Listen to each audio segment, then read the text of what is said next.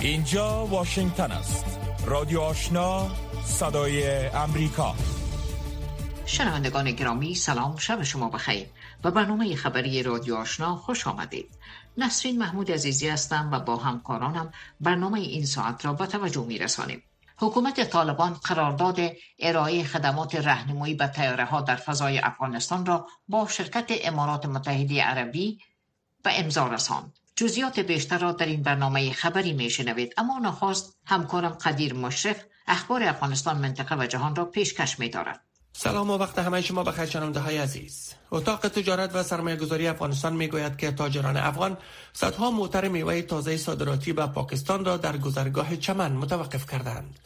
خانجان الکوزی عضو هیئت مدیره این اتاق امروز پنجشنبه 8 سپتامبر به صدای امریکا گفت که حکومت پاکستان تعرفه گمرکی به نام تکس آردی را بر پنج قلم میوه تازه افغانستان از جمله انگور، سیب و انار چند برابر افزایش داده است. او گفت که اصولا افغانستان از این تعرفه گمرکی معاف بود. اما قبلا نیست حکومت پاکستان گاه گاه وضع می‌کرد که در هر تن 11 تا 20 هزار روپیه پاکستانی بود. اما اکنون به گفته آقای الکوزی به 80 تا 90 هزار روپیه افزایش یافته است. این در حالی است که به گفته اتاق تجارت و سرمایه گذاری افغانستان حکومت پاکستان محصول گمرکی ترکاری و میوه تازه افغانستان را برای سه ماه معاف کرده است. اوچا یا دفتر هماهنگی امور کمک های بشردوستانه برای افغانستان می‌گوید در حالی که 25 میلیون افغان در افغانستان در فقر به سر می‌برند 19 میلیون مردم در این کشور با عدم مسئولیت غذایی مواجهند بر اساس گزارش اوچا 5.8 میلیون نفر در آوارگی و بیخانمانی دراز مدت داخلی به سر برده و هزاران منزل مسکونی در اثر سیلاب ها و زمین لرزه تخریب شده است. اوجا تاکید کرده که برای بقای حیات در زمستان پیشرو این افغان ها به مواد غذایی، حمایت تغذی، لباس های گرم و سرپناه نیاز دارند.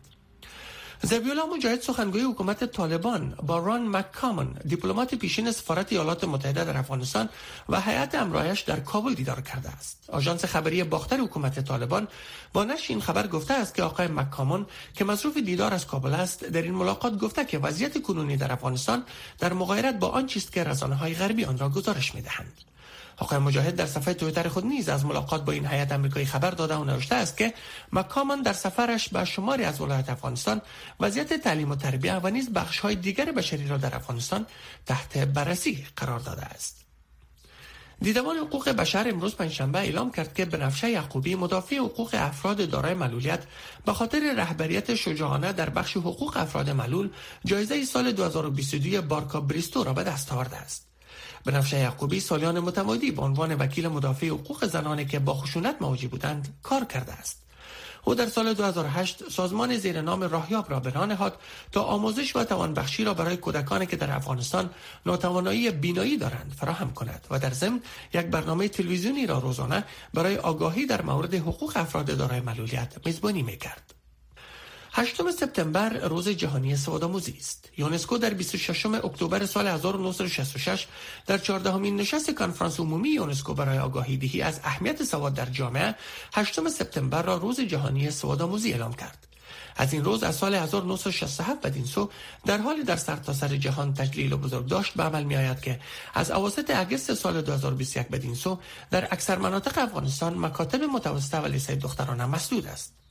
میزان تحصیل در افغانستان به گونه قابل توجه در مقایسه با سایر کشورها کمتر است که حد اوسط افراد تحصیل کرده در افغانستان 38 درصد می باشد حالان که این رقم در سطح بین المللی 87 درصد تخمین شده است گروه های حقوق بشر در نامه سرگشاده به سازمان ملل متحد خواستار ایجاد یک میکانیزم پاسخگویی اختصاصی توسط شورای حقوق بشر یا HRC در کنار مأموریت گزارشگری ویژه در مورد وضعیت حقوق بشر در افغانستان شدند. جزیات بیشتر از احد عزیز داده. این نامه که زیر نام افغانستان تمدید معموریت گزارشگر ویژه و نیاز به اقدامات پاسخگویی قویتر نگاشته شده است. به نمایندگان دائمی کشورهای آواز و ناظر شورای حقوق بشر سازمان ملل متحد ارائه شده است. در این نامه سازمان های امضا کننده وضعیت حقوق بشر در افغانستان را تأصب بار خوانده و نگاشته است که عدم پاسخگویی مطلق در مورد نقص و تخطی فاحش و سیستماتیک حقوق بشر من جمله جنایات زیر قوانین بین المللی که در افغانستان علیه زنان، دختران و اقلیت های قومی و مذهبی مدافعان حقوق بشر و خبرنگاران انجام می شود نیازمند جلب توجه می باشد.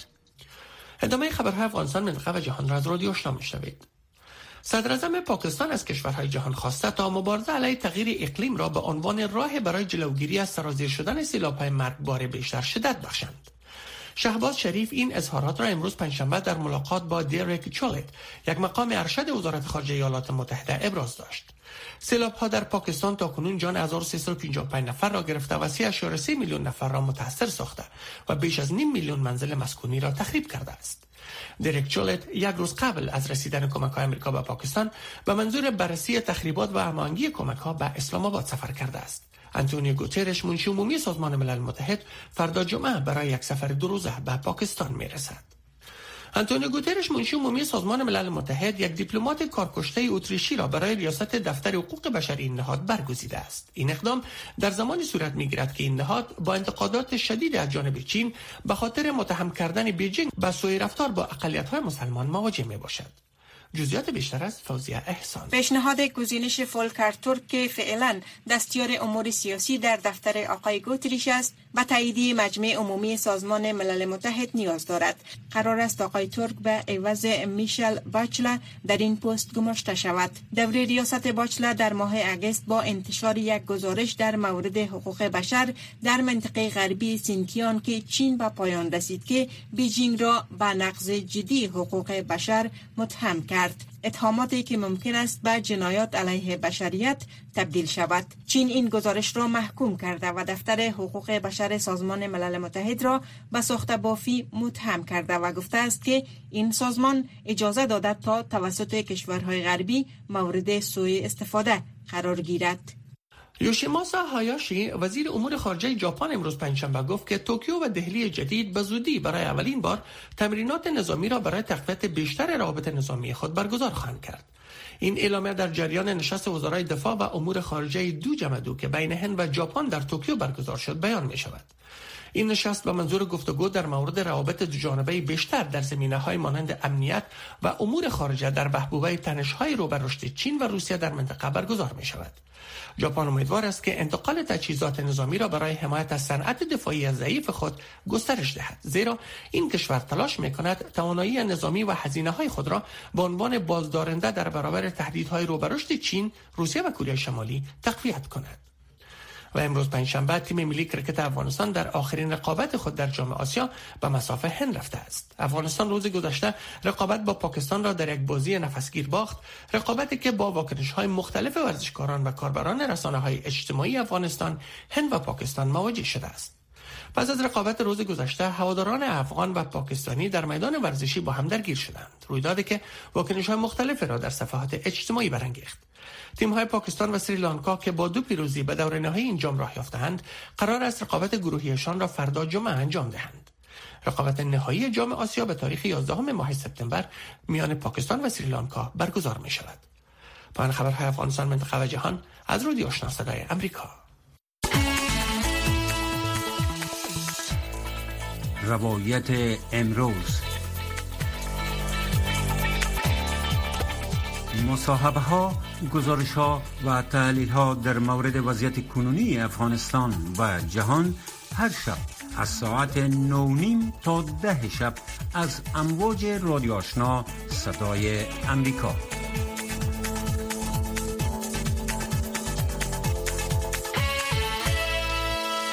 شنوندگان عزیز اخبار افغانستان منطقه و جهان را از رادیو آشنا شنیدید. آن هم توجه نمایید به گزارش هایی که برای شما برگزیده ایم.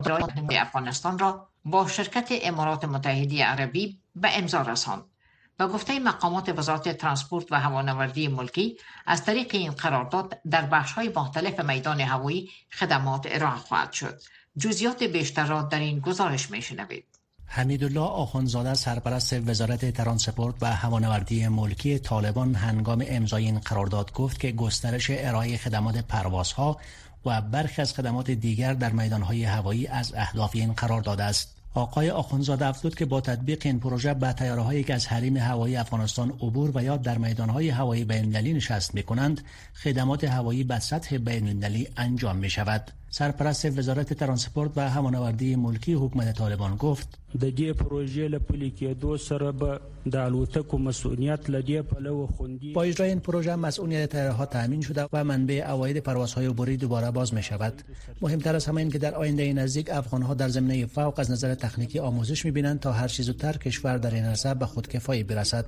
په دې برخه کې روزل کیږي ځان به ته ورسیږي. غلام جیلانی وفا معین این وزارت گفت که در تاریخ اوانوردی افغانستان چنین قرارداد مهم و بزرگ از رهگذر کیفیت میاری بودن و تکمیل کردن خدمات میاری در میدانهای هوایی بین‌المللی امضا نشده بود. و گفته آقای وفا با خروج ناتو شمار از تجهیزات از بین رفته و تلاش ها برای فعالیت دوباره این تجهیزات جریان داشت تا خدمات به گونه معیاری در میدانهای هوایی بین‌المللی عرضه شود. ما در دو بخش دو مشکل بزرگ داشتیم. یک مشکل تجهیزات. گفتم خدمتان ارز کردم که اضافه تر از 70 فیصد تجهیزاتی که بر راهنمایی تیارات استفاده می‌شد توسط ناتو و یک تعداد مردم های استفاده جو تخریب شد.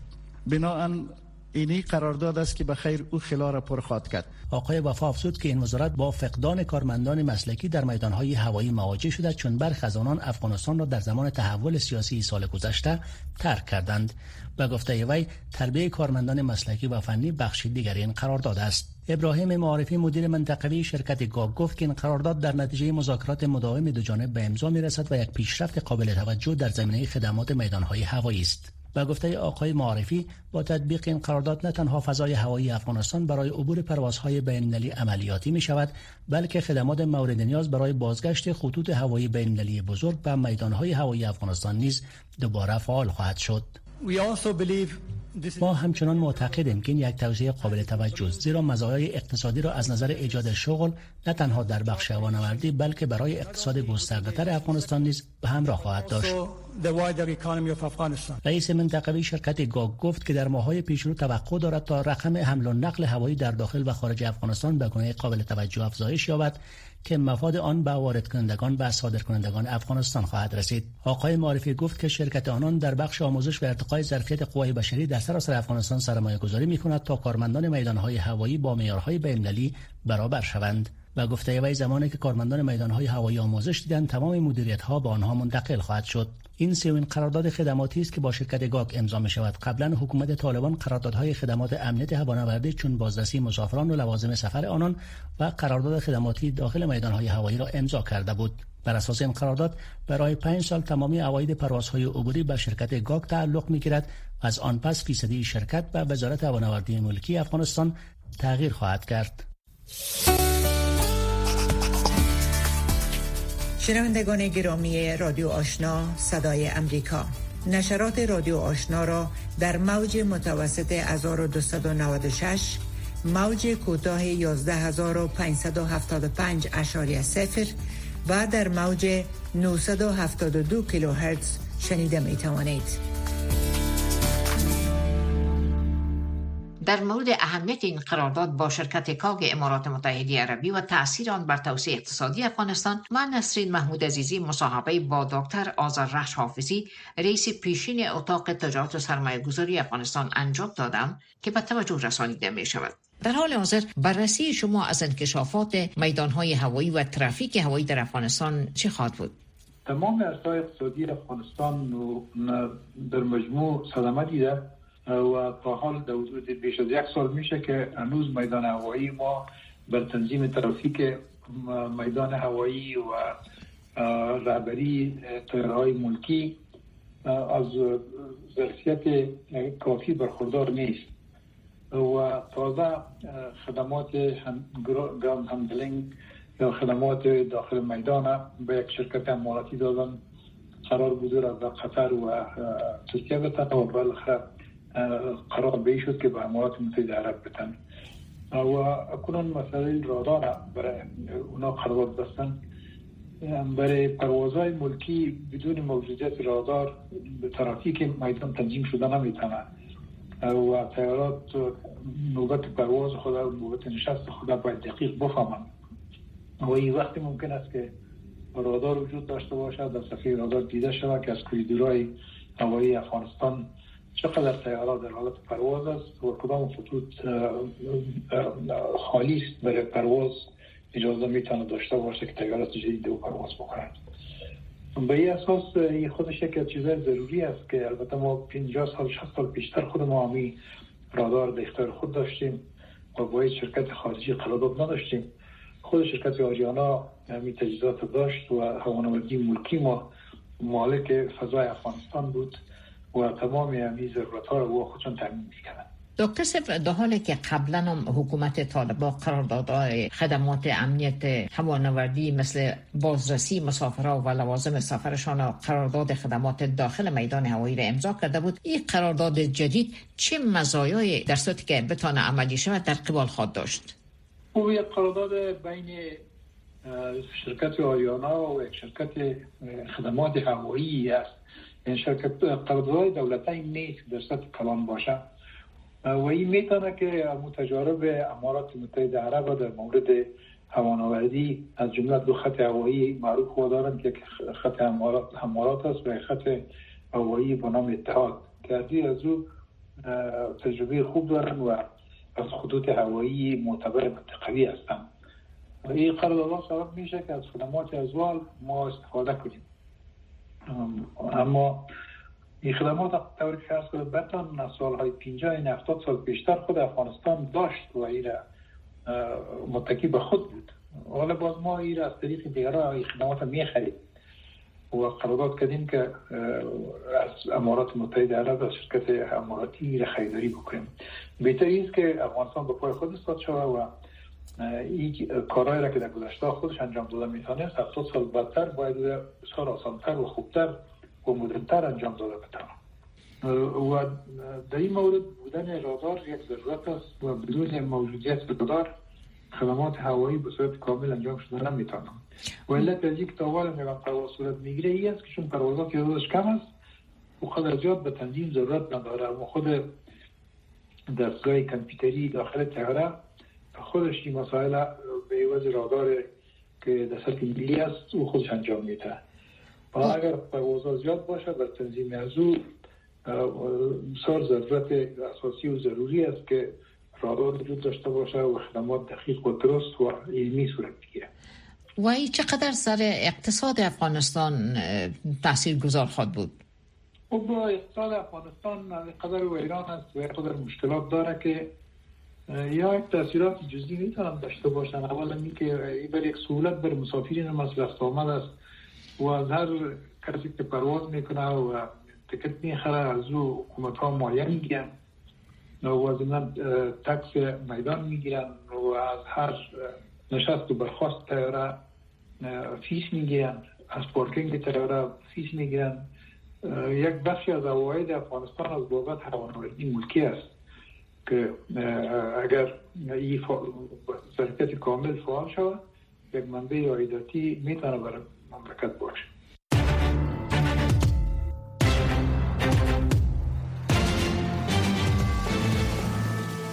رکو راست. صحبت های داغ صاحب نظران و نظریات شنوندگان در مورد خبرها و مسائل روز هر شام از ساعت 8 تا 9 شب در برنامه مشترک دری و پشتوی رادیو آشنا صدای امریکا.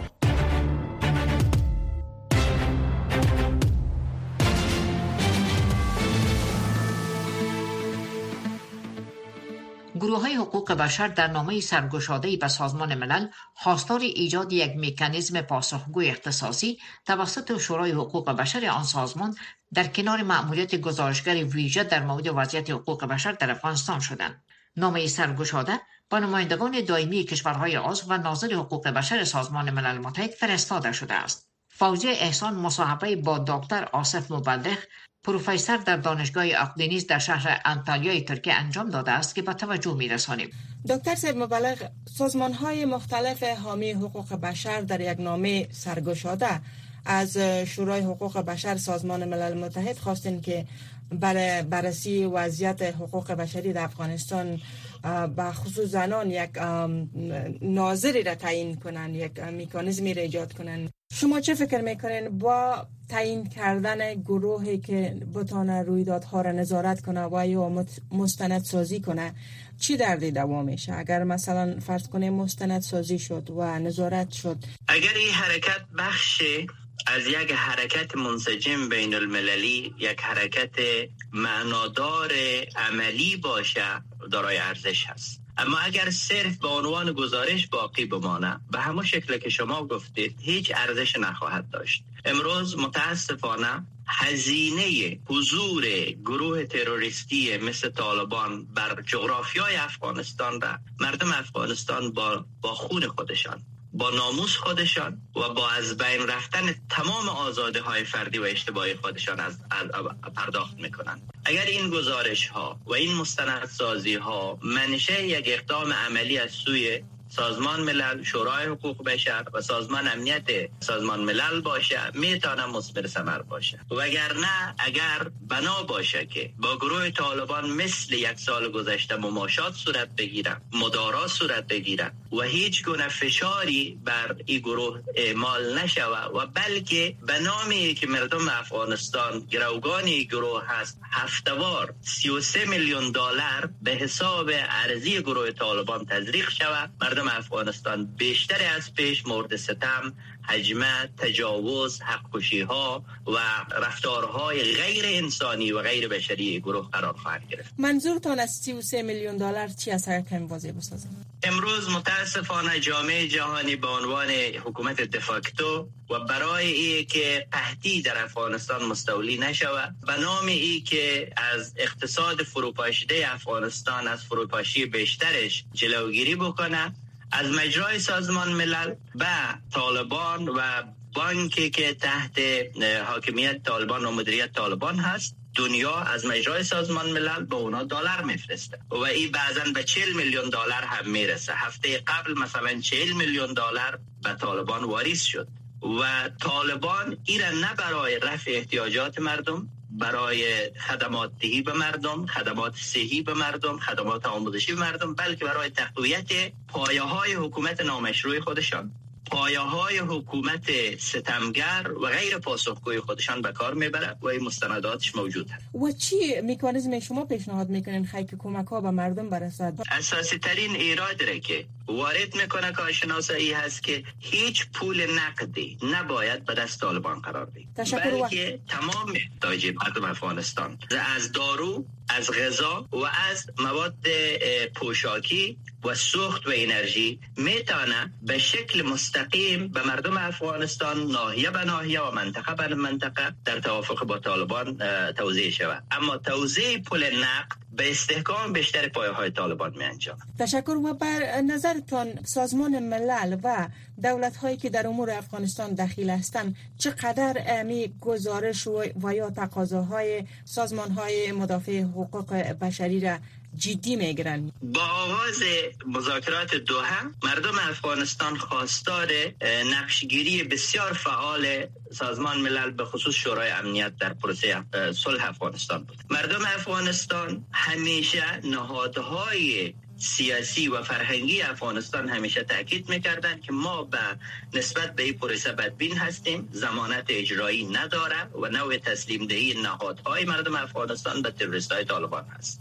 و در این قسمت گارانتی و نقش فعال صلحبانی سازمان ملل از یک طرف نهادسازی سازمان ملل از طرف دیگر مورد تقاضای من هست. اما متاسفانه در این خصوص سازمان ملل منفعل عمل کرد و تا حالا هم کشورهای جامعه بین المللی منفعل عمل کرده. این انفعال جامعه ملل و سازمان ملل به رشد تروریسم افرادگرایی و ایجاد یک روایت ناسالم در منطقه منجر شده و او روایت روایت جهادگری و تصرف جغرافیا هست. به نظر شما طالبا چقدر جدی می‌گیرن این گزارش ها را و این درخواست های سازمان های بین المللی را تا اصلاح بیارن در روند خود؟ اگر این گزارش ها به دنبالش یک اکشن یک عملکرد معنادار قرار بگیره از سوی جامعه بین الملل و شورای امنیت سازمان ملل. طالبان پیام واضح را از سوی دنیا دریافت خواهد کرد. اما اگر به تعقیب این گزارش ها عملکردی که بتانه پیام واضح دنیا را نسبت به طالبان و رویکردشان مخابره بکنه داده نشود و استحکام لازم را نداشته باشد طالبان جریتر خواهد شد. طالبان غیر پاسخگوییشان و جنایت های بشریشان افزونتر خواهد شد. من فکر می‌کنم گزارش های واضح از جنایات طالبان در افغانستان و بعد یک اقدام جمعی جامعه بین الملل میتانه خطر کلان را که طالبان نسبت به منطقه و امنیت جهانی متوجه می‌سازه را کم بکنند رادیو آشنا صدای امریکا. منبع موثق خبرها و گزارش های جهان و افغانستان. با این هم آخرین گزارش این بخش. اقتصاددانان پس از افزایش نرخ بهره توسط بانک مرکزی استرالیا در روز شنبه برای پنجمین ماه متوالی به بالاترین حد در هفت سال گذشته دردسر بیشتری را برای دارندگان وام مسکن پیش بینی می کنند. مرسر خبرنگار صدای امریکا از سیدنی گزارش دارد که عبدالواجد عادل به توجه می رساند. با کمتر شدن رشد اقتصادی جهان زمینه تهاجمی تر شدن افزایش نرخ بهره در استرالیا را از سال 1994 به این طرف فراهم کرده است حالا رشد اقتصادی چین در حال کن شدن است و بانک مرکزی ایالات متحده نرخ‌های بهره را افزایش داده است تا قیمتها را تحت کنترل قرار دهد فشارها از ناحیه مخارج زندگی یکی از نگرانی های اصلی ارائه دهندگان در انتخابات فدرالی ماه بود و بسیاری از آمدن فشار بر بودجه های خانواده ها شکایت داشتند. بانک مرکزی استرالیا نرخ رسمی خود را 0.5 درصد افزایش داده و به 2.35 درصد رسانیده است تا تورم بالا افزایش عمومی قیمت اجناس و خدمات را مهار کند در استرالیا میزان تورم در 21 سال گذشته 6.1 درصد است و کارشناسان معتقدند تا کریسمس این رقم ممکن به 7 درصد برسد. نرخ بهره مصارف گرفتن قرضه بانکی را تعیین می کند. سطوح رسمی تعیین شده توسط بانک های مرکزی از جمله RBA بر نرخهایی که بانک ها و سایر مؤسسات مالی برای وام های مسکن و سایر تامین های مالی دریافت می کنند تاثیر می گذارد. آنها همچنین به تعیین عایدات برای پسنداز کنندگان کمک می کنند تا به این ترتیب باید از افزایش نرخ بهره بهرهمند شوند. اما ایوان کلون اقتصاددان ارشد بازار در بانک ملی استرالیا می‌گوید که دارندگان وام مسکن وضعیت بدتری خواهند داشت.